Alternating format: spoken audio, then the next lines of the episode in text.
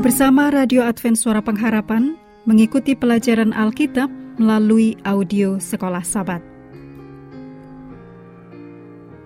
Selanjutnya kita masuk untuk pelajaran hari Rabu tanggal 28 Juni. Judulnya Efesus pada masa itu. Mari kita mulai dengan doa singkat yang didasarkan dari Ibrani 1 ayat 8. Tahtamu ya Allah tetap untuk seterusnya dan selamanya, dan tongkat kerajaanmu adalah tongkat kebenaran. Amin. Dalam Efesus 1 ayat 1 dan 2, Efesus 6 ayat 21 sampai 24, kita dapat melihat bagaimana Paulus memulai dan mengakhiri suratnya kepada orang percaya di Efesus dengan salam yang juga merefleksikan kerinduan Paulus yang terbesar bagi jemaat Efesus ini. Pada permulaan suratnya, Paulus mengidentifikasikan dirinya sebagai penulis. Demikian ditulis dalam Efesus 1 ayat 1. Mendekati pertengahan surat, Paulus kembali mengidentifikasi dirinya dengan menyebutkan namanya, memanggil dirinya orang yang dipenjarakan karena Kristus Yesus untuk kamu, orang-orang yang tidak mengenal Allah. Demikian ditulis dalam Efesus 3 ayat 1. Yang memperkenalkan suatu refleksi pribadi yang pekerjaannya sebagai seorang rasul. Demikian ditulis dalam Efesus 3 ayat 1 sampai 13. Mendekati akhir dari suratnya, kembali dia merujuk dirinya sebagai utusan yang dipenjarakan. Demikian ditulis dalam Efesus 6 ayat 20. Dan memberikan kesimpulan dengan pesan-pesan pribadi. Ditulis dalam Efesus 6 ayat 21 dan 22. Sementara beberapa ahli menolak bahwa surat Efesus ditulis oleh Paulus adalah penting untuk memperhatikan bahwa surat itu jelas menyebutkan Paulus sebagai penulisnya. Sebagian besar orang Kristen menerima dan percaya bahwa Paulus adalah penulisnya.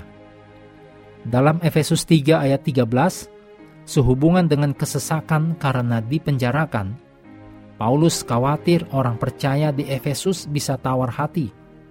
Kitab Efesus kelihatannya memiliki kesamaan waktu dan keadaan dengan surat-surat lain yang Paulus tulis dari penjara, seperti Kolose khususnya ditulis dalam Kolose 4 ayat 7 dan 8 dan juga Filemon. Juga sekian lama waktu telah berlalu sejak pelayanan Paulus di Efesus yang dicatat dalam Efesus 1 ayat 15, Efesus 3 ayat 1 dan 2. Paulus kemungkinan menulis surat kepada jemaat Efesus selagi berada di dalam penjara di Roma sekitar tahun 62 Masehi.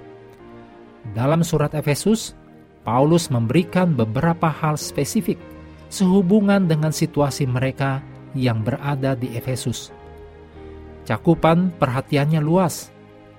Paulus berbicara tentang jarak waktu yang besar, dimulai dengan keputusan yang dibuat Allah sebelum dunia dijadikan.